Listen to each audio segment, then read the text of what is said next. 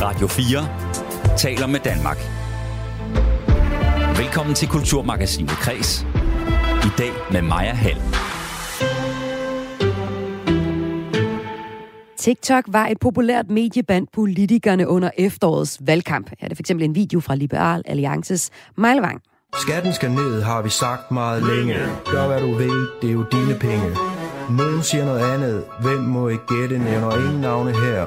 Vi må hellere slette. Ja, og faktisk skal politikerne nu til at slette. For Folketinget fraråd i går folketingsmedlemmer at have TikTok på deres arbejdstelefoner. Men skal vi andre, og særligt danske unge, også slette den kinesiske underholdningsapp? Det ser jeg nærmere på i dagens udsendelse. Why'd you gain all that weight? Someone close to me passed away, and it had an effect on me. Det her er hovedpersonen i den hypede film The Whale, der har premiere i morgen. Filmtitlen Valen og den svært overvægtige hovedperson kan ses som en direkte reference til storværket Moby Dick. Men der er langt flere lag i referencen, fortæller en litteraturprofessor, som jeg ringede til for at blive litterært klædt på til at se en af de mest omtalte film lige nu.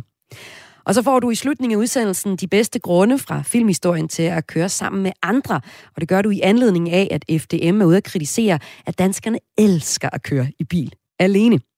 Men først skal vi se nærmere på, om de unge vil have Flow TV, efter at TV2 i går meldte ud, at de lancerer en kanal netop til unge.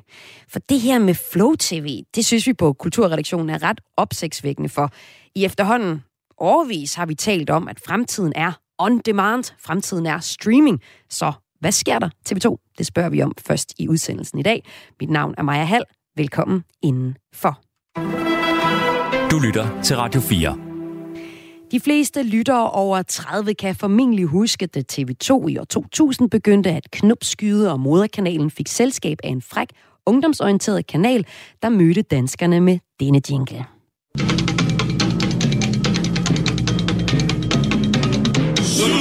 Men sidst på måneden, så er det slut med TV2 Zulu. Kanalen, der gav os øh, Zulu drømmeholdet Åndernes Magt, langt fra Las Vegas og Kloven, og som nærmest blev synonym med den danske comedy-scene i starten af nullerne. Den bliver altså nu lagt i graven.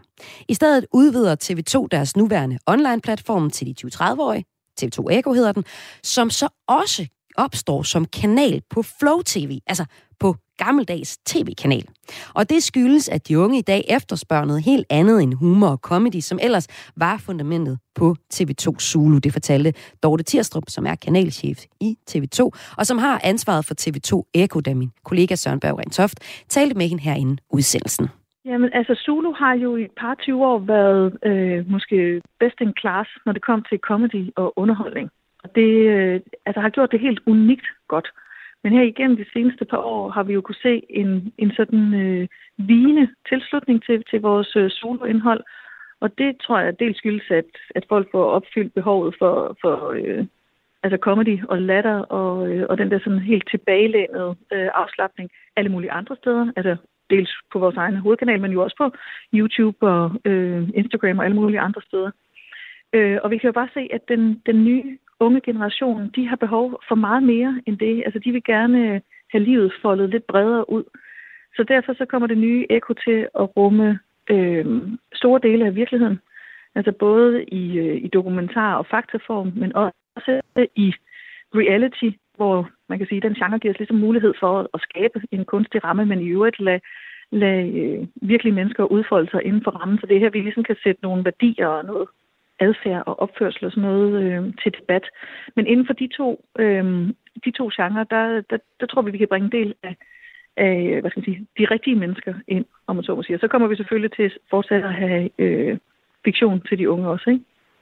Den her målgruppe her, de 20-30-årige, det er dem, vi altid taler om som de digitalt indfødte. De er, har vendet sig til at have en palette af streamingtjenester og sociale medier og digitale medier til rådighed døgnet rundt. Mm. Vi har længe talt om, at mm. øh, gammeldags Flow, Flow TV er fortiden. Øh, DR3 havde deres, øh, eller DR TV havde deres DR3, som de valgte at lukke og flytte fuldstændig over til digitalt indhold. Alligevel så satser I mm. på at have en, øh, en god gammeldags Flow-kanal til, til lige præcis den her målgruppe, de, de 20-30-årige. Er det ikke en mm. dødsejder, I sætter i søen her? Hvorfor, hvorfor satser I på at have Flow TV til den her målgruppe her? Jo, jamen det, det kan jeg sagtens forstå. Men altså, man må bare sige, at vi har virkelig gode erfaringer med at gå på to ben. Vi har, vi har en, øh, en streamingtjeneste, der fungerer virkelig godt, øh, og vi har nogle flow-kanaler, hvor, altså, som gør, at vi, vi som familie står øh, altså stærkest i hele markedet. Så for os fungerer det altså rigtig godt at have både øh, de klassiske Lida-kanaler og en, øh, en rimelig sådan øh, vital streamingtjeneste. Men, men, men, men, Og men, i gider, øvrigt- men gider de unge mennesker at se Flow TV? Nogle gange overgår man jo ikke andet. Det er jo lidt ligesom med, øh, med Spotify eller andre musiktjenester. Nogle gange vil du gerne selv bestemme, hvilket nummer du hører, og andre gange så sætter du en, en playlist på. Nogle gange så vil man bare gerne have, at der er nogen, der har taget en, en beslutning om, hvilket indhold, der skal spilles. Så der, der er jo, kan man jo også se sådan en, en lille modtendens til, at øh, også streamingtjenesterne begynder at kuratere deres indhold og lægge det op som perler på en snor. Altså det er jo, jeg ved jo godt, at det er ikke fordi, jeg, jeg pludselig, øh, du ved, en gang midt i april har en kæmpe stor øh, øh, hvad hedder det, opbakning til den lineære kanal, at, altså blandt de unge seere. Men, men øh, hvis ikke jeg gør noget, så, så kan jeg da være helt sikker på, at de i hvert fald ikke får et forhold til øh, vores unge tilbud. Så nu, nu prøver vi ligesom at, at, øh, at tilbyde det. Vi, vi sætter øh, alle sejl til. Det er i øvrigt også en kanal, som man kan se øh, live inde på vores øh, Play øh, streamingtjeneste. Så, så øh, for mig at se, så, øh, så er det i virkeligheden bare at brede tilbuddet ud. Altså sådan, du har mulighed for at vælge hver enkelt titel, når du har lyst til det, men du kan også vælge bare at den for kanalen og se det øh, kuraterede indhold, vi har valgt at vise i dag. Jeg læste her til formiddag et øh, interview i Politiken med Kjell Reinicke, som var en af dem, som tilbage i år 2000 var med til at grundlægge TV2 Zulu og gøre det til den kæmpe succes, som det blev til dengang. Øh, mm. til, til den her beslutning om at, get, om, om at åbne TV2 Echo som en flow-kanal til unge, der siger han, og det citerer jeg nu her, det er ikke en god beslutning. Jeg vil håbe, man giver den næste generation af TV2 til retlægger den frihed, vi havde dengang ved at give dem den helt rigtige platform til de unge, ligesom vi fik dengang, vi lavede Zulu. Og den platform er ikke en tv-kanal. Hvad siger du til det, når mm. det kommer fra lige præcis Kjell Reinicke? Jamen altså, der er jo ingen tvivl om, at Kim er, Kjeld er en kæmpe kapacitet, og han har jo i mange år sagt, at, øh, at Flow TV var dødt. Men, men man må bare sige, lige nu, der, der fungerer det altså sådan set godt for os at gå på de her to ben. Jeg er helt med på, at, øh, at de unge brugere øh, har ændret adfærd og er foran alle os andre, øh, og primært streamer. Men man må bare sige, at der er flere forskellige behov. Altså, der er både behovet for og selv få lov til at vælge lige præcis, hvad du vil have det. Og så det der med at få serveret den menu, kokken nu har besluttet, dig, besluttet sig for er bedst til dig i dag. Så, så jeg tror på, at, øh, at der også er, er bud efter øh, den kuraterede kanal. Men, men det, han har da helt ret i, at, øh, at et unge tilbud skal da være i, i, øh, til afsæt i de unges perspektiv, og derfor så kommer vi til at gøre meget ud af, at, at øh, vores indhold er skabt af de unge til de unge, og at det er med unge i ruden, og, øh, og alle, alle de tematikker er fra et ungt perspektiv. Hvad er succeskriteriet for Flow-kanalen her? Øh, numerisk er der ikke sat nogen sådan øh, mål op. Altså, jeg, jeg håber, at vi i første omgang kan få øh, hvad skal man sige, endnu flere til at tune ind på vores øh, public service tilbud. Vi vil jo enormt gerne inddrage også den her gruppe i samtalen om alt det vigtige. Ikke? Øh, Så i første omgang, så håber jeg, at der er en masse, der får vagt deres øh, nysgerrighed og, og kommer ind omkring kanalen. Og så vil vi jo gøre os altså super meget umage for at holde dem fast og servere noget indhold, som de gerne vil engagere sig i lød det her fra Dorte Tirstrup, som er kanalchef i TV2. Og det gjorde det om, at de altså lukker TV2 Zulu. Den bliver lagt i graven. Men det interessante er så også, at TV2 vælger at introducere en ny kanal på Flow TV, som er målrettet de unge, nemlig TV2 Echo. Det var for eksempel den modsatte prioritering, Danmarks Radio øh, lavede, da de i øh, 2020 lukkede ungdomskanalen DR3 og slog den sammen med, med P3, og nu laver et, et univers, der både er radio og digitalt øh, indhold. Så altså, er der overhovedet et marked for Flow TV til den ungdom, som nærmest er vokset op med ubegrænset tilbud inden for streaming, sociale medier og digitale kanaler. Det skal jeg tale med min næste gæst om, og det er dig, Aske Kammer, medieforsker og lektor i journalistik på Roskilde Universitet. Velkommen til Kulturmagasinet Kreds.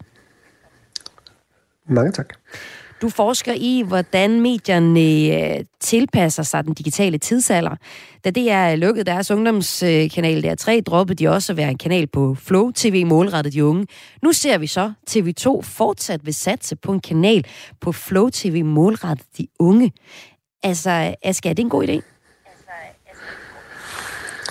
Altså jeg tror, hvis, hvis vi ser det isoleret set, som at Eko kun skulle være en flow-kanal, så ville jeg synes, at det var en ret dårlig idé, som det virkelig var oppe at bakke med. Men netop fordi Eko jo også er til stede på mange andre platforme, på streaming, på sociale medier, øh, i, øh, i TV2 Play og så videre, så tror jeg egentlig godt, at der kan være noget fornuftigt også at være på, øh, på den her platform, og øh, hvad skal man sige, ligesom få den synlighed, eller den branding, der også kan ligge i at være en del af de der tv-pakker, som, øh, som folk er inde og se på en gang imellem.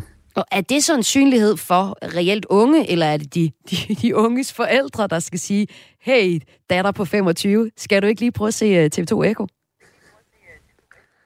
Ja, det er jo øh, nok øh, primært øh, de, de unges forældre, det, det tror jeg sådan set, du har ret i, men, men omvendt altså det at kunne, kunne ligesom vise sig frem der, når der er øh, reklamer for forskellige tv-pakker, når det er inde på TV2 Play, der kan det også give det en platform, at det ligesom er en flow-kanal, men, men, og ikke øh, kun noget, som foregår øh, hvad hedder det, på streaming og, øh, og på, på andre platforme. Jeg så skal jeg bare høre, altså ser de unge i den her målgruppe 20-30-årige, ser de stadig Flow TV?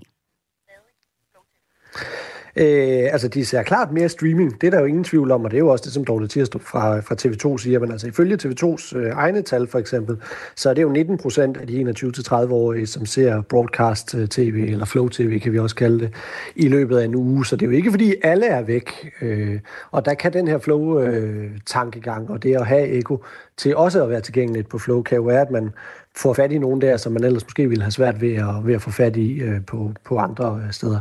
Igen, altså isoleret set, hvis Eko kun var den her flow til øh, flow ting, så ville det være meget op ad bakke. Men i og med, at det netop er den her kombination mellem forskellige platforme, så, øh, så kan der være en ræson i det fra, øh, fra TV2's side. Mm. Også i forhold til at købe sig lidt tid. Øh, altså det de kan jo se, hvordan det går, så kan de jo lukke den om et halvt år, hvis det er, hvis det er helt forfærdeligt. Der er det lidt sværere at gå ud nu og øh, med store armbevægelser lukke flowkanalen, og så om et halvt år skulle genåbne den, hvis nu det viser, at der rent faktisk var et behov, som man ikke fik dækket. Og nu siger du, at der er 19 procent, som øh, ser Flow TV af de unge.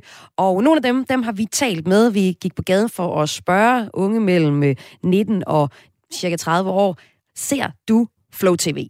Nej, det gør jeg ikke. Hvorfor gør du ikke det? Fordi at jeg ser som regel på nettet og forskellige streaming services. En gang imellem, ja. Hvad ser du så? Fodbold. Nej, fordi det er for dyrt, så jeg har alle streamingtjenesterne i stedet for, og så kører det over der.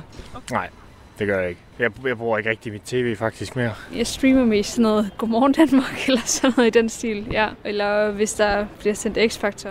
Altså meget sjældent. Det er, kun, det er faktisk næsten kun, hvis det sådan er sådan sport. Altså sådan, det er nu, når der har været håndbold og sådan noget, så gør jeg det. Eller så gør jeg det faktisk aldrig. Det gør jeg, ja. og det er meget nyheder. Ja, vejret. Det gør jeg meget op i. Ej, jeg streamer også meget. Det gør jeg. Men øh, det er nyheder, når jeg bare lige tænder for fjernsynet.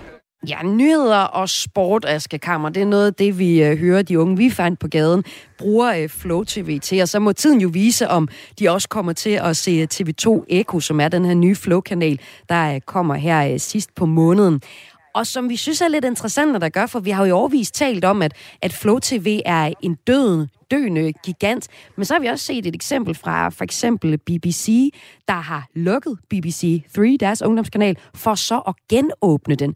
Medieforsker og lektor i journalistik på Roskilde Universitet, Aske Kammer, har vi, og så tænker jeg faktisk også, ja, medieforsker, været lidt for hurtigt til at dømme øh, Flow TV død.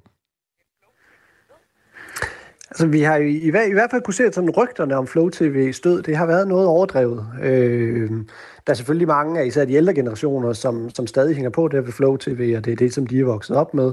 Men også blandt de unge, altså det fylder ikke mest, og det er ikke det centrale medie, det er meget vigtigt at understrege det.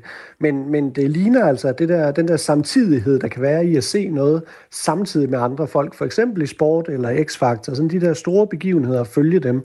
Det at, at sidde og se det samtidig med, at man ved, at der er mange andre, der ser det, det, det tyder altså på, at det kan et eller andet unikt der, som, øh, som streaming for eksempel har svært ved at, at leve op til. Om det så også kommer til at afspejle sig i det programindhold, som Eko har, det, det må tiden jo så vise. Så, øh, så, så det er jo også, altså, det er også vigtigt at sige, at det er jo op til, til, TV2, til, til, til, til, til TV2 Eko mm. at bevise, at der rent faktisk er et behov for at have den her øh, Okay. Så, så det, jeg hører dig sige, det er også, at det, øh, altså, Flow TV er, altså, der bliver mindre og mindre af det. Måske, jeg hører dig måske faktisk også sige, at det kan stagnere på et eller andet tidspunkt, fordi der er sådan noget som nyheder og, og sport, som vi gerne vil se sammen. Altså, hvad er det, vi får ud af at, og, og faktisk se Flow TV, når vi gør det? Jamen, der er jo den der live-fornemmelse, og det er at se noget, mens det sker. Altså alle, der har prøvet at optage en fodboldkamp, og så se den øh, tre timer senere, ved godt, at det er en lidt flad fornemmelse. Det er slet ikke det samme. Og der er bare nogle ting der, som live-tv kan give, øh, eller flow-tv kan give, som, som streaming altså ikke kan give på, øh, på helt samme måde. Så, så jeg hører jo ikke til dem, der tror, at flow-tv vil forsvinde.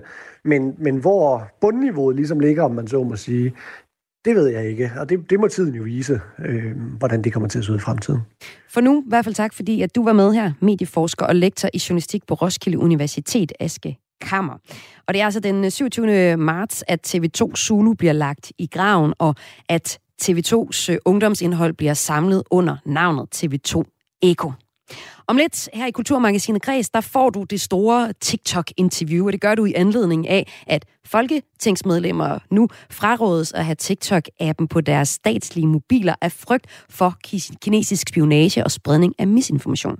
Men udover det, så er der også et ben mere i det her, som handler om, at digitale medier er blevet storpolitik. Hæng på, hvis du vil høre mere om det. Først så skal det handle om øh, den Oscar-nominerede film The Whale. Du lytter til Kulturmagasinet Kres på Radio 4. Hvad har Bibelen, Walt Whitmans digt I Sing a Song of Myself og Moby Dick til fælles? De tre værker de spiller som mænd en central rolle i den Oscar-nominerede film The Whale, der har premiere i morgen. You're an amazing person, Ellie. I couldn't ask for a more incredible daughter. Are you actually trying to parent me right now? Who would want me to be a part of their life? Darren Aronofskis seneste film, The Whale, har allerede på filmfestivaler fået ros. Særligt skuespiller Brendan Frasers præstation som den sygeligt overvægtige engelske litteraturunderviser Charlie, der har mistet sin mand til selvmord, forsøger at genoprette forbindelsen til sin fraseparerede datter Ellie i øh, sin sidste dage er blevet honoreret og senest med en Oscar-nominering. Why'd you gain all that weight? Someone close to me passed away, and it had an effect on me. You haven't seen her since she was eight years old, and you're gonna reconnect with her? Sorry. I don't like this. This isn't a good idea. I'm sorry. You say you're sorry one more time, I will shove a knife right into you. I swear to God. Go ahead. What's it gonna do? My internal organs are two feet in at least. Why do you suddenly need to see her so bad? Why now? Nice. Ja, filmen The Whale, den har premiere i morgen, men i sidste uge fik jeg lov til at se den, og der sad jeg og noterede mig nogle forskellige litterære referencer, der var i den her film. Altså alene det faktum, at Charlie, vores hovedperson i The Whale, er en gigant af et menneske. Og så at filmen hedder The Whale, altså valen, det er jo en åbenløs reference til Herman Melvilles roman Moby Dick om en stor hvidval. Der er dog en hel del mere at hente i filmens litterære referencer, lyder det fra professor i litteraturvidenskab ved Syddansk Universitet, Søren Frank, som jeg ringede til, efter jeg havde set The Whale, for at blive klogere på de tre litterære værker, der spiller en væsentlig rolle i filmen. Og øh, hør, hvad han fortalte her. Moby Dick af Herman Melville. Oh, og der skal vi lige have det rigtige klip, det kommer her. Moby Dick af Herman Melville blev udgivet i 1851 og regnes vel i dag for at være uh, The Great American Novel. Uh, og uh, det er en lang roman om valfangst, og det er specifikt en roman om uh, hovedpersonen og fortælleren Ishmael, uh, der, uh, der kommer ombord på et valfangerskib, uh, hvor der findes en uh, hævngærig kaptajn, der hedder kaptajn Ahab, som har et mål med, med valfangertogtet, og det er for hævn over Moby Dick, den hvide val, som på et tidligere togt øh, afmastede ham, øh, åd hans ene ben. Så det er, en, øh, det er en roman om menneskelig storhed og galskab, og om forholdet mellem mennesker og natur, og mennesker og dyr. Og der er en direkte reference fra Moby Dick til øh, filmen The Whale, og det er simpelthen i vores hovedperson i The Whale, som kunne være sådan en, en, en, en menneskelig valg. Altså det er en ekstrem overvægtig hovedperson, som vi har i den her øh, film. Øhm, men der er også nogle andre referencer i øh, filmen. Det er Bibelen, bliver der vendt tilbage til flere gange, og så er det et digt af Walt Whitman, der hedder I Sing a Song of Myself. De her tre værker, Moby Dick, øh, I Sing a Song of Myself, og så øh, Bibelen. Hvad vil du som litteraturprofessor sige, de har til fælles, Søren Frank? Jamen, øh, man kan, hvis vi starter med Song of Myself af Walt Whitman, så var det et, et, øh, altså en digtsamling, han skrev på hele sit liv, og som regnes øh, også for at være altså, må, måske øh, den største digtcyklus i den amerikanske litteraturhistorie. Og Walt Whitman var jo samtidig med Herman Melville og, og, og de meget vigtige personer i det, man omkring 1850-60'erne kalder den amerikanske renaissance, altså da, da den amerikanske litteratur bliver sin egen og ikke længere øh, bliver modelleret på engelske forbilleder, men at de finder deres egen stemme. Herman Melville og Walt Whitman står begge to som, som meget sådan, øh, altså de, de, de to urfædre i den amerikanske litteraturhistorie på, på hver deres måde. Altså den, enes regnes, den ene regnes for at være sådan en en besynger af det store jeg, og, og optimistisk og øh, livsglad og så videre. Det er Whitman, og så på den anden side, og modsætningen hertil, det er Melville, der havde meget mere sort, øh, et sort syn på, på menneskets øh, rolle i tilværelsen, og et sort syn på fremtid og arvesynd og så videre. Så de er meget øh, to vægtige stemmer i, øh, i sådan den amerikanske litteraturs fødsel.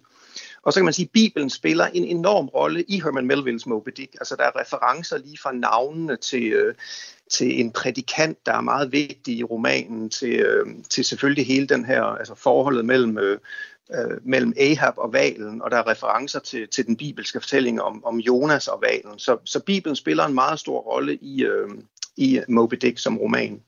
Men af dit kendskab til filmen, hvordan vil du så sige, at øh, Moby Dick øh, bliver brugt som analogi i den her film? Der, altså, det, der ligger jo lige for at, at, at tænke, at Brandon Fraser er en menneskelig udgave af Moby Dick. Øh, romanen hed i øvrigt, da den udkom oprindeligt. Det gjorde den i England i 1851, to måneder før den udkom i USA. Der hed den faktisk bare The Whale.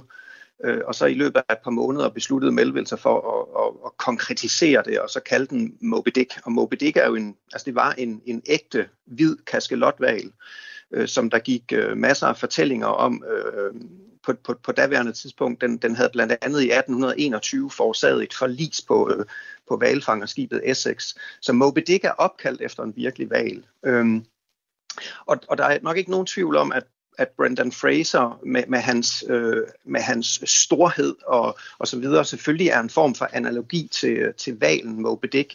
Og så er det jo nærliggende at spekulere i, at hans datter, øh, som, som også er blevet øh, såret øh, af, af valen af sin far, øh, kunne være en, øh, en kaptajn Ahab på hævntogt øh, mod, mod valen i filmen. Øh, det, det ligger lige for, men man skal selvfølgelig også være, passe på ikke at trække øh, parallellerne alt for langt. Helt sikkert. Og, og hvis man, altså Moby Dick er et, et stort værk, og det er blevet analyseret en milliard gange, og der er blevet lavet en milliard skoleopgaver over den her bog, og det er også noget, der spiller en rolle i øh, filmen, fordi i hans øh, Charlie, øh, hovedpersonens datter, har skrevet netop et, et essay om Moby Dick, hvor øh, Ellie, som hun hedder, datteren, hun forklarer, at de kedelige kapitler af Moby Dick, som hun kalder dem, de har en værdifuld betydning, fordi de er til stede sådan, at Melville, forfatteren til Moby Dick, kan, øh, kan forsøge at redde os fra hans meget triste historie. Det synes jeg var en ja. ret fin lille ting, og det er noget, som vores øh, hovedperson Charlie bliver ved med at vende tilbage til. Men de her kedelige kapitler, hvad er der egentlig blevet sagt over, om dem i, igennem tiden, Søren Frank? Det oprindelige udkast til romanen var faktisk, at det skulle være en tilforladelig lige ud af landevejen øh, roman, som, øh, som øh, hvad skal vi sige, gav læserne øh, og, og, og forlæggeren det, de vil have, nemlig en Chubang-roman om, om valfangst. Men øh, Melville, mens han skrev øh, på romanen, så fik han storhedsvandvid, kunstnerisk øh, megalomani, og han ville være øh, den amerikanske udgave af Shakespeare. Og så begyndte han at bryde romanen op og fylde den med alle mulige referencer, øh, encyklopædiske øh, øh, dele, hvor øh, han proppede al den viden, han overhovedet havde om det ene og det andet, ikke mindst selvfølgelig om valfangst, proppede det ind i romanen. Og så er der også det her meget famøse kapitel 32, der hedder Cetologi, altså læren om valer.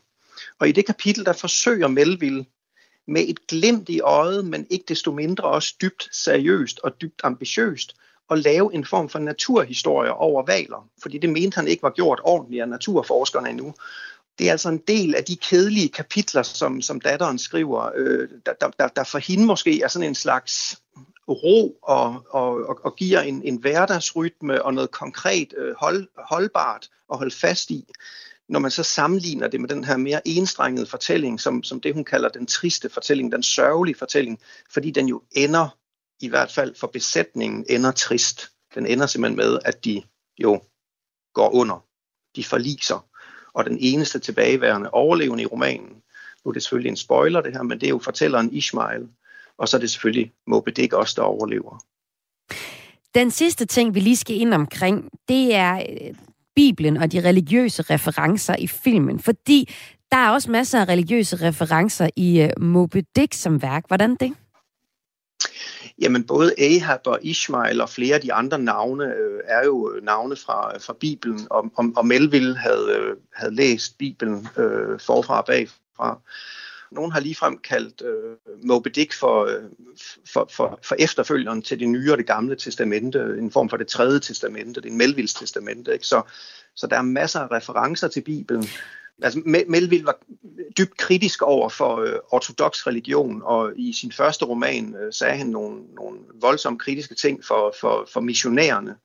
Så, så øh, han havde et, øh, hvad skal vi sige, ambivalent forhold til, øh, til religion og kristendom. Og det er jo ekstremt interessant, du siger det, fordi der er netop en missionær i øh, filmen, som besøger vores hovedperson Charlie flere gange i øh, The Whale, og insisterer på, at han med sin bibel, med sin religion, kan redde Charlie. Charlie, som er homoseksuel og har haft et homoseksuelt ja, ja. forhold med en fra den religiøse gruppe, som ham her, der kommer og besøger ham, også øh, ja. i hvert fald siger, er, er fra. Og så er der sådan noget med, at hvis Charlie bare læser Bibelen, ligesom hans øh, kæreste gjorde, inden han tog sig af dage, ja, så kan han også blive reddet fra den homoseksualitet, der har ramt ham. Og det lyder som om, at det også er noget, som Herman Melville på en eller anden måde forholder sig til øh, i øh, både i sine tidligere værker, men jo faktisk også i Moby Dick. Hvordan det? Altså, lad mig lige starte biografisk, og det er meget, øh, det. Det er meget omdi- omdiskuteret. Altså, Melville boede jo på, øh, på, på den farm, han, øh, han døbte Arrowhead øh, i, i Pittsburgh.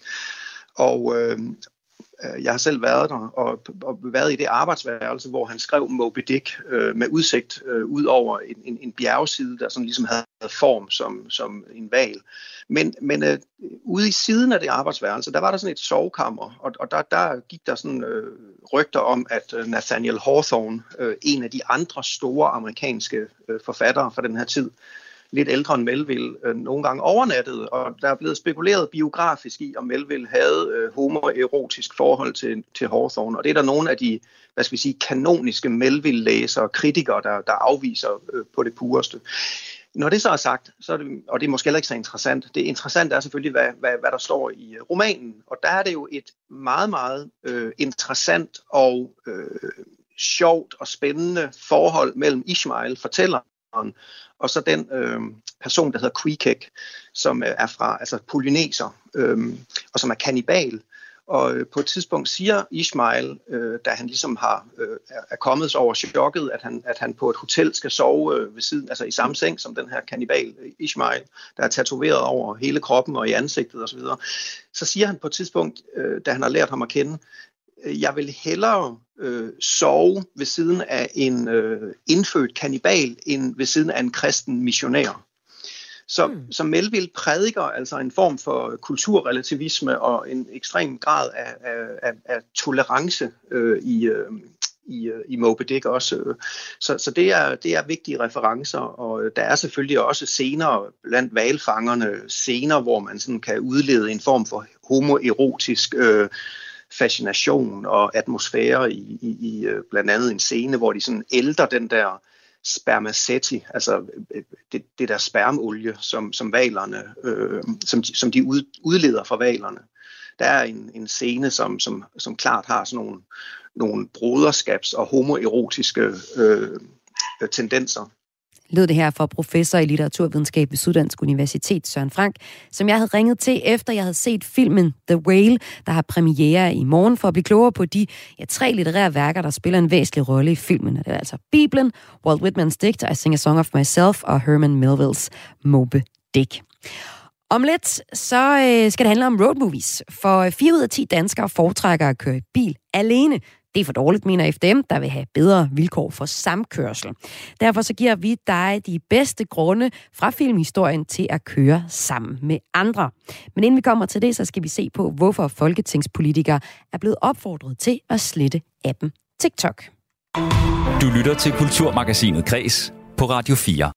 Ved det seneste folketingsvalg flød det over med folketingskandidater, der lavede korte videoer på TikTok. Jeg er lige ved at pusse min sko, og manglede simpelthen en klud til, som man tør skocreme ud med. Så kom jeg i tanke op, jeg fik jo engang en gave af Rosalund og Enhedslisten. Skønt. Tænk sig engang. Enhedslisten kan også gøre gavn. Ja, sådan her lød det øh, på Liberal Alliances TikTok, der under valgkampen gjorde Alex Vanopslagh kendt som kongen af TikTok. Enhedslistens Rosa Lund og Maja Villadsen markerede sig også i stor stil på det sociale medie, eller den her medieplatform. Men i går, der meddelte Folketingets præsidium så, at man fraråder Folketingets medlemmer til at have TikTok-appen installeret på deres telefon. Til at snakke med mig om det, kan jeg nu byde velkommen til chefredaktør ved Tekmediet Radar, Peter Christian Bæk Nielsen. Velkommen til. Mange tak.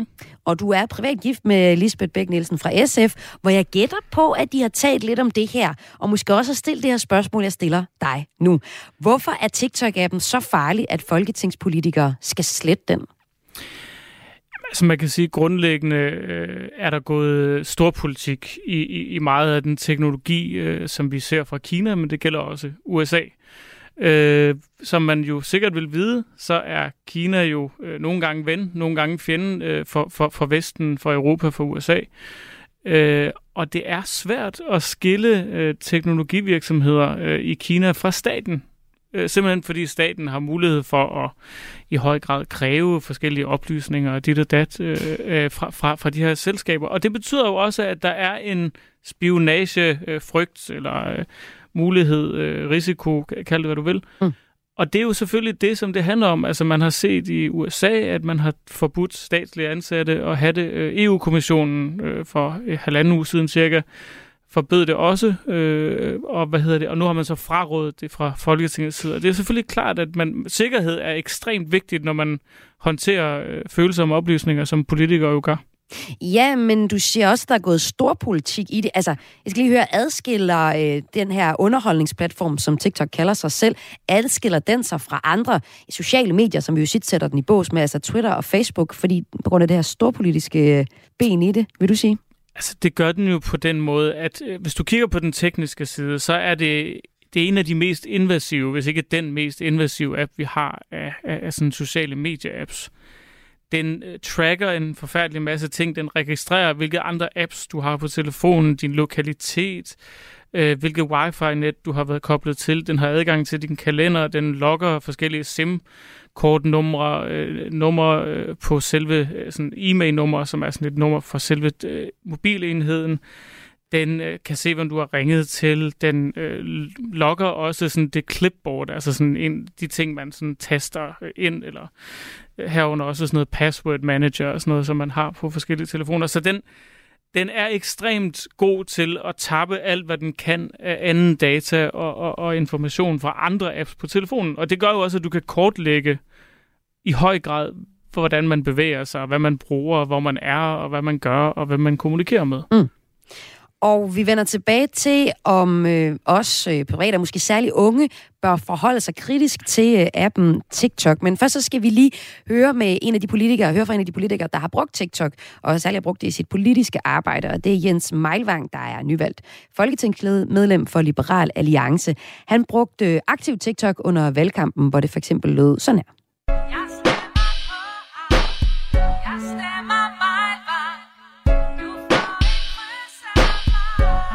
Jeg er stemmen i dit liv. Skatten skal ned, har vi sagt meget længe. Gør hvad du vil, det er jo dine penge. Nogen siger noget andet. Hvem må ikke gætte? Nævner ingen navne her. Vi må hellere slette. Ja, og Jens Meilvang, han er ikke i tvivl om, at TikTok var med til at ramme nogle andre mennesker end dem, der normalt følger med i politik. Men jeg tror at specielt, at man fik aktiveret mange unge mennesker, som måske faktisk ikke øh, har stemmeret endnu, men også nogen selvfølgelig, der skulle stemme første gang. Og, og det, der tror jeg, det er rigtigt, at, at man fik fat i nogen, som, øh, som man ellers ikke kunne få fat i i aviserne og til vælgermøderne, og, og måske også på Facebook osv. Jens Meilvang installerede TikTok-appen cirka et år før valget, og på det tidspunkt havde han ikke gjort sig nogen overvejelser om sikkerheden heller ikke først nu, jeg har fået at vide, at, øh, at det kan være, at, at, at man ikke kan 100% stå inden for den. Øh, men øh, lige da jeg installerede den, der, der var jeg ikke nervøs for det. Det er faktisk først med den seneste tids debat, at den potentielle sikkerhedsrisiko er gået op for ham. Altså, jeg vil tro, det, det ja, om det er nogle måneder siden, eller noget, jeg begyndte at læse om, det, det er første gang. Øhm, så det gik så altså, først op her i forbindelse med den debat, at, at det var på, på sådan et niveau, så man fraråder at have det på sin øh, arbejdstelefon. Den seneste tid der har øh, flere politiske institutioner indskrænket brugen af TikTok. EU-kommissionen har forbudt TikTok-appen på de ansattes telefoner. Lignende udmeldinger der er kommet til de ansatte i det hvide hus i USA og statsansatte i Kanada. Og med mig har jeg chefredaktør ved Techmediet Radar, Peter Christian Bæk Nielsen. Hvorfor er det, vi ser den her bølge af forbud lige netop nu? Grundlæggende kan man sige, at vi har vidst i lang tid, at der måske var nogle risici forbundet med med TikTok. Øh, og det gælder sådan set også andre teknologivirksomheder fra Kina.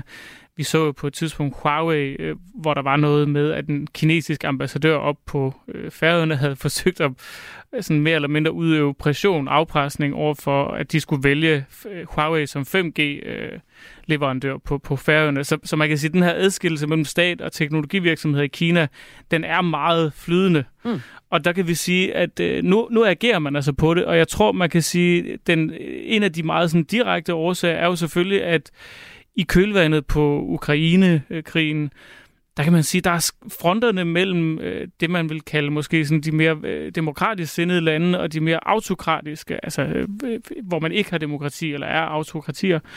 Øh, den grænse er blevet meget hårdt skåret op, mm. øh, og, og vi, vi er, altså i USA har man vist i mange, mange årtier, at kineserne er sind, sindssygt dygtige til industrispionage.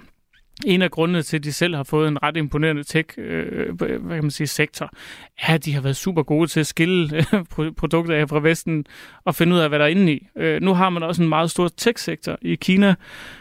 TikTok er blevet det øh, mest sådan, populære medie blandt unge. Øh, det er meget effektivt. Øh, folk bruger enormt lang tid på det. Og det er klart, så begynder man også at forholde sig til, er det her noget, øh, som i hvert fald i forhold til politikere eller mm. embedsmænd, andre, øh, indebærer så stor en risiko, at, at vi faktisk bør bare lade være med at bruge det der i hvert fald. Ja, den her opfordring til at droppe TikTok på statslige mobiltelefoner, den kommer efter Center for Cybersikkerhed opfordrede det. Men selv så mener TikTok, ikke så overraskende, at det beror på misforståelser, har de hagt til, til DR sidste fredag. De siger, at vi vil meget gerne mødes med den danske politikere og myndigheder for at få afklaret nogle af de misforståelser omkring TikTok, ikke mindst vores relation til Kina, øh, sagde Christine Grand, der er Head of Governmental Relations øh, hos TikTok i Norden, til DR i fredags. Altså, kan der, kan der være en overreaktion i det her, en alene fordi mediet er fra Kina, så er øh, alle sådan hyper øh, påpasselige i forhold til jo, men omvendt så kan man sige, synes vi, at hvis vi taler om folk på ministerniveau, eller øh, altså politikere, der sidder i udvalg, der behandler meget, meget øh, hvad kan man sige, følsomme oplysninger om rigets sikkerhed eller europæisk sikkerhed, synes vi så, at det er værd at løbe en risiko for, at nogen kan producere nogle små, korte videoer? der vil jeg jo sige nej. Altså, så, så, kan vi, så kan vi tale om, at det måske forholder sig anderledes, når vi taler privatpersoner. Mm. Men, men jeg vil sige, når du taler politik på højeste niveau, øh, når du taler en anspændt situation mellem Vesten og Kina, øh, der har også været det her med de her ballonger, som måske, måske ikke var spionballoner, nogen var formentlig værballoner, mm. men når du kan se, at det her kapløb, og, og, og den her, øh, det, det, er jo også et, det er jo et våbenkapløb, også i teknologi, ikke? Øhm, når man kan se, at det spidser til, så tror jeg meget klogt, formentlig fra Center for Cybersikkerhed og andre, så siger man, ved du hvad, det er nok ikke en risiko, vi skal løbe i hvert fald her. Ja. Og, og der er jo mange, der har lyttet til øh, fraråden fra, øh, om at have TikTok på telefonerne på deres øh, arbejdstelefoner i øh, Folketinget. Selv så har Jens Meilvang, som vi hørte fra før, fra Liberal, Liberal Alliance, han har slettet TikTok fra sin arbejdstelefon, sådan som øh, Folketinget rådede i går. Men han har ikke tænkt sig at slette TikTok fra sin private telefon, og det går faktisk igen i de reaktioner, vi hører nu. Han siger så, at han vil overveje en ekstra gang, hvad han har på sin private telefon nu er det ikke sådan, jeg har sådan en vanvittig spændende privatliv, så, så jeg tænker, at øh, hvis der er nogen, der har adgang til noget, øh, at de vil have mulighed for at kunne bruge mod mig, eller bruge øh, mod landets sikkerhed, så, øh, så, så der, der er jeg ikke så bange for at have den inde på. Jeg kan selvfølgelig godt se, at det er problematisk, hvis man har fortrolig information, ligesom man har på en folketingstelefon.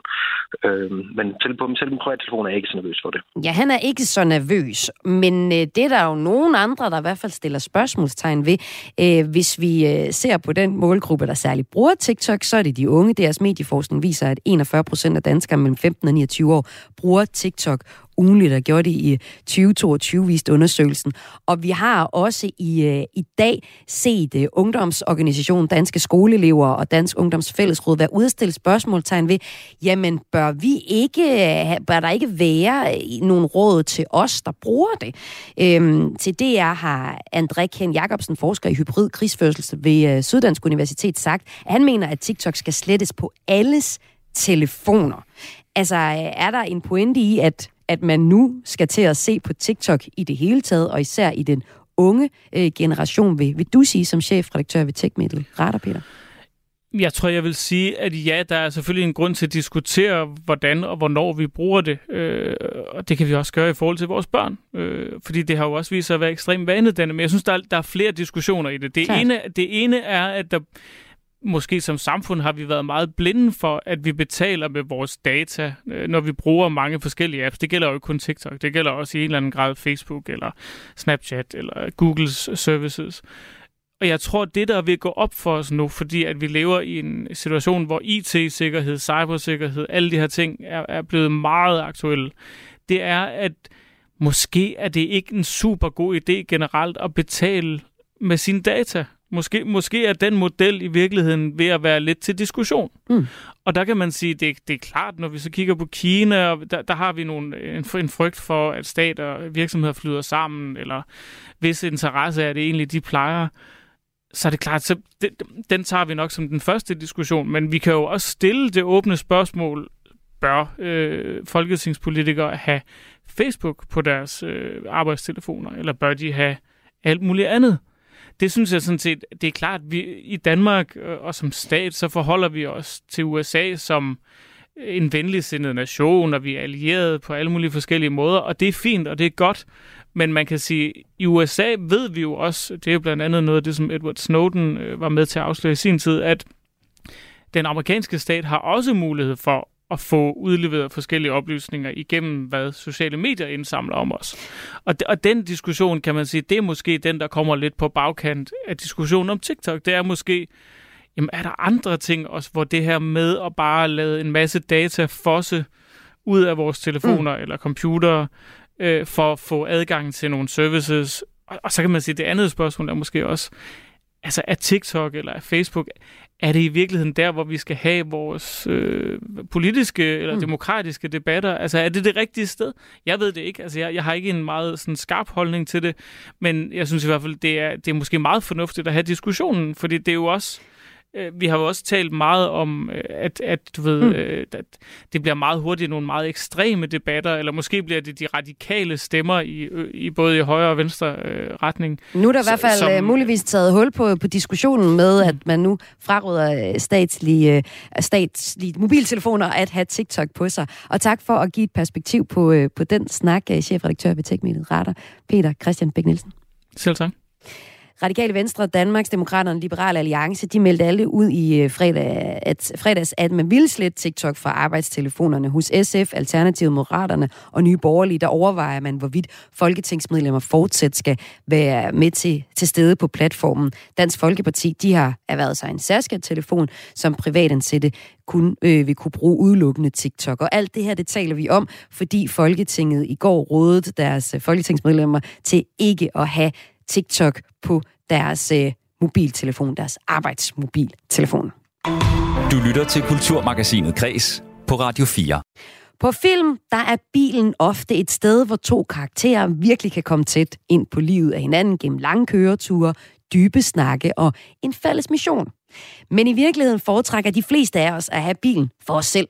Det viser en undersøgelse fra Vejdirektoratet. Den viser i hvert fald, at 4 ud af 10 danskere gerne vil have køreturen til og fra arbejde for sig selv, i stedet for at skulle smalltalke med fremmede. Men det er for dårligt, mener FDM, der gerne vil gøre det økonomisk fordelagtigt at køre sammen. For samkørsel er både godt for klimaet og for pengepunkten, lyder argumentet. I Radio 4 morgen i morges, der talte vi med transportminister Thomas Danielsen, der er åben over for at give en økonomisk guldråd til bilister, der deler bilen med andre. Men transportministeren måtte også indrømme, at han er en af dem, der helst sidder alene i bilen. Jamen altså, der må jeg være ærlig at sige, at, øh, at øh, langt, langt de fleste øh, gange, så kører jeg jo selv. Hvis jeg ikke tager den kollektive transport, som vi kender i traditionel forstand. Men vi har rent faktisk også dele af landet, hvor den kollektive transport ikke slår til. Og det er først der, hvor jeg selv har brugt sammenkørsel. Øh, det har øh, været sådan som den anden løsning, hvis nu, at, øh, at jeg kom for sent til en by, hvor at, at toget så ikke kunne køre mig hjem eller et eller andet, så, så, så har jeg kigget på, når, hvad er der samkørsmuligheder. Og så er det rent faktisk vist at nå ja, det, det var faktisk mindst lige så godt. Ja, og selvom det kan jo være meget rart at have bilen som pustrum i hverdagen, hvor man kan sidde i ro og fred, så går solobilister også glip af et helt specielt rum, hvor samtalen ofte flyder bedre end andre steder. Det er i hvert fald sådan filmverdenen skildrer bilen, der har fået sin helt egen genre, nemlig road movies. Og det skal det handle om som det sidste her i Kulturmagasinet Græs, sammen med skribent ved Kino.dk, som jeg har fået besøg af nu, Bjarke Fris Christensen. Velkommen til. Mange tak.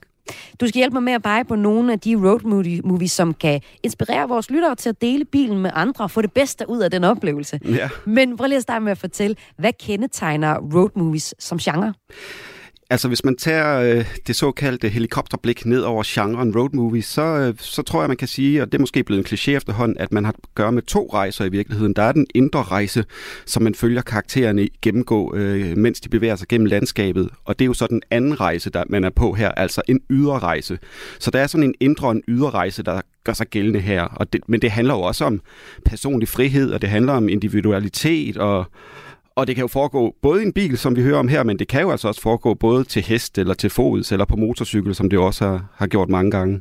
Og jeg føler bare, at det er sådan en, en super lang tradition, vi ser igen og igen. Vi får, altså, det er bare noget lækkert, når folk skal lave ja. film. At vi kan få to mennesker, der ikke har noget med hinanden at gøre, de ender tilfældigvis i den her bil, og så tager de bare den der rejse. Hvordan har du det egentlig selv med genren road movies? Jamen, som du siger, så, så så er det jo skønt at komme ombord på en bil, ikke? og det kan, lyde, det kan lyde lidt kedeligt, måske man bliver fanget ind i sådan en kabine der, men der er bare noget fascinerende ved, når det virkelig lykkes at følge de her samtaler, som udfolder sig enten øh, ja, i en bil, eller i en lastbil, eller ombord på et tog. Så jeg synes, det er skønt, og så er det også det netop med landskabet, der glider forbi, mm. eller byerne, der glider forbi. Der er noget rent visuelt i det, som er ja, tilfredsstillende. Vi kan, vi kan faktisk holde til at se på det i ret lang tid, øh, de her øh, samtaler, der ja. kan være i sådan en bil, og det har du et eksempel på. Du har nemlig taget et par anbefalinger med til road movies, ja. Men øhm, det første, det var to fremmede mødes øh, i en øh, film. Det er i øh, Badlands fra 73.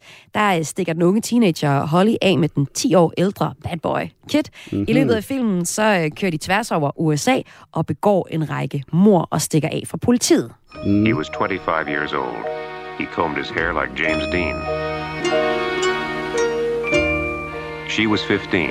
She took music lessons and could twirl a baton. I'm Kid. I'm not keeping you from anything important, am I? No. She wasn't very popular at school. For a while, they lived together in a treehouse. In 1959, they murdered a lot of people. Bjarke Friis mm. Christensen, det her er et møde mellem to fremmede. Hvordan bringer den her biltur dem tættere sammen i øh, filmen Badlands?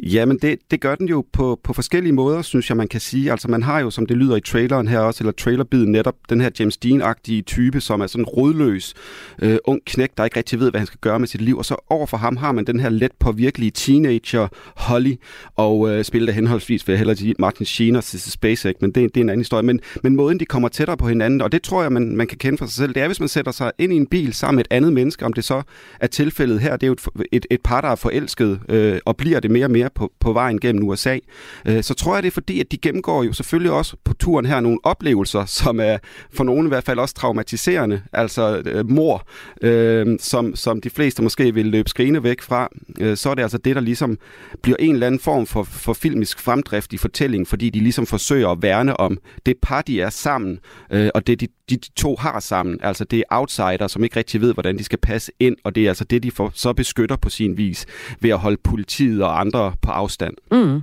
Ja, og så tænker jeg også, at der er noget med den her, og nok også med andre eksempler, det der med, at det er ikke nødvendigvis, fordi de synes, altså her der stikker de af sammen, men det er ikke nødvendigvis, fordi de synes, at hinanden er fede hele tiden, men der kan det Nej. der bilrum jo også bare, altså jeg har kørt rigtig meget sammen med andre mennesker, og man kan også bare øh, være stille, og så kan man tage mm. samtalen op igen, ja. og nogle gange fordi man bliver tvunget til at gøre det også på en eller anden måde, så finder man faktisk noget ud af, ud af om hinanden, som man ikke ville have fundet ud af, ellers får man bare ja, ja. gået sin vej, hvis man stod ved siden af et menneske til en fest, der var kedelig, ikke? Ja, præcis. Og nu vil jeg også lige sige, det, det er jo ikke sådan en Natural Born Killers film, det her.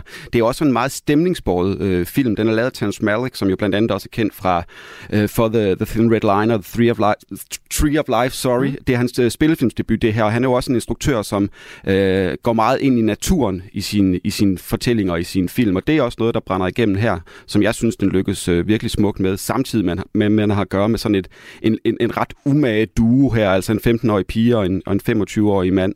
Øhm, så, så det i sig selv er også provokerende, samtidig med, at vi så har med de her mor at gøre.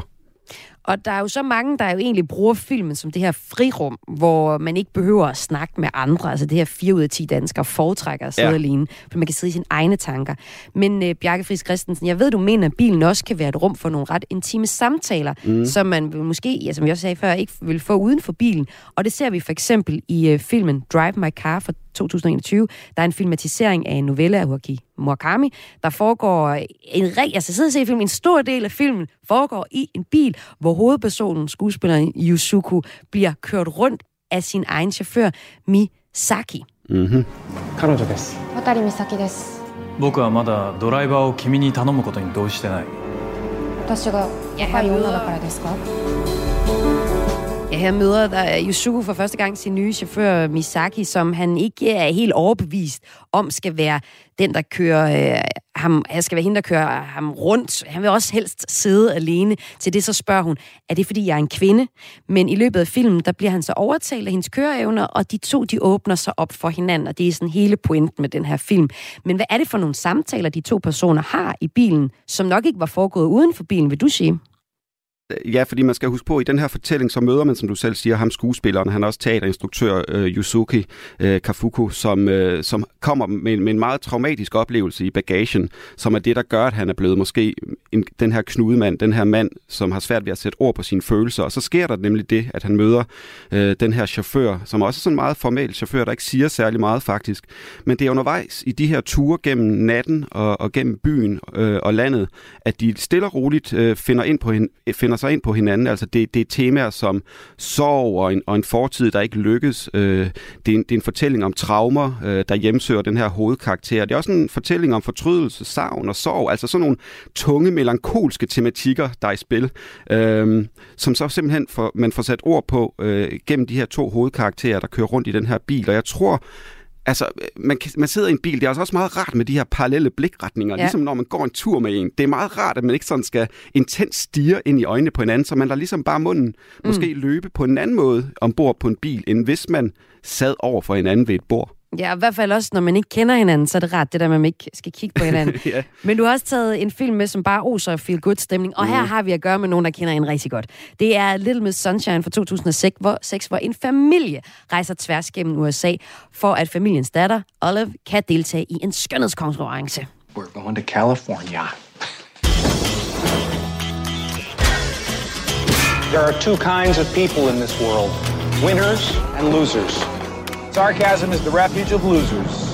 How much do I owe you for those pearls of Oh, that one's on the house. That's, you're not going to charge Stop me for that. He started it. Undervejs på den her roadtrip, der kommer familien både op og skændes, og får også ja, delt nogle uh, visdomsord med hinanden. Hvordan vil du sige, at det påvirker familiens forhold at være klemt sammen i det her gule folkevognsrugbrød, som danner rammen for uh, Little Miss Sunshine-filmen? Jeg, jeg tror, at de fleste, hvis, hvis man selv kigger på sin familie, uanset hvor meget man nu elsker og holder af dem, så, så tror jeg, det vil være en udfordring for de fleste at blive proppet ind i sådan en folkevognsrugbrød. Det har selvfølgelig også sine udfordringer for den her familie. Men som du selv siger, det kan man også høre den her bid, bid fra filmen. Altså, så er det et lystigt, øh, det er et lystigt og charmerende film, vi har med at gøre her, som, som ikke er bange for at, at, at være morsom, når den skal være det, men også være rørende, når den skal være det. Så det er en road movie, som er i feel good øh, åndens tegn, modsat måske lige Badlands, som er, er noget mere tung. Og Bjarke Friis Christensen, skribent ved Kino.dk. Tak fordi du kom ind og kom med tre anbefalinger til øh, road movies. Det var en fornøjelse. Og de tre film, som vi talte om her, var altså Little Miss Sunshine, Drive My Car, og så den her øh, film Badlands fra 73. Og det var i altid i anledningen af, at øh, FDM gerne vil have flere til at køre sammen. Det her det var Kulturmagasinet Kreds for i dag med Emil Mortensen, Louise Østerlund Thomsen, Søren Berggren Toft og Mathilde Laversen, der havde sat udsendelsen sammen. I det sidste måltid på Radio 4 spiser Lærke Kløvedal et måltid mad med en kendt dansker. Jeg er fandme god, den her is. Har du mere? De taler om livet og døden, og sammen skriver de gæstens nekrolog. At være midt i en kærlighedsagt. Men det er sådan, jeg godt kunne tænke mig at dø. Find det nyeste afsnit af det sidste måltid allerede nu i Radio 4's app. Men nu får du mig langt ud på dybt vand her.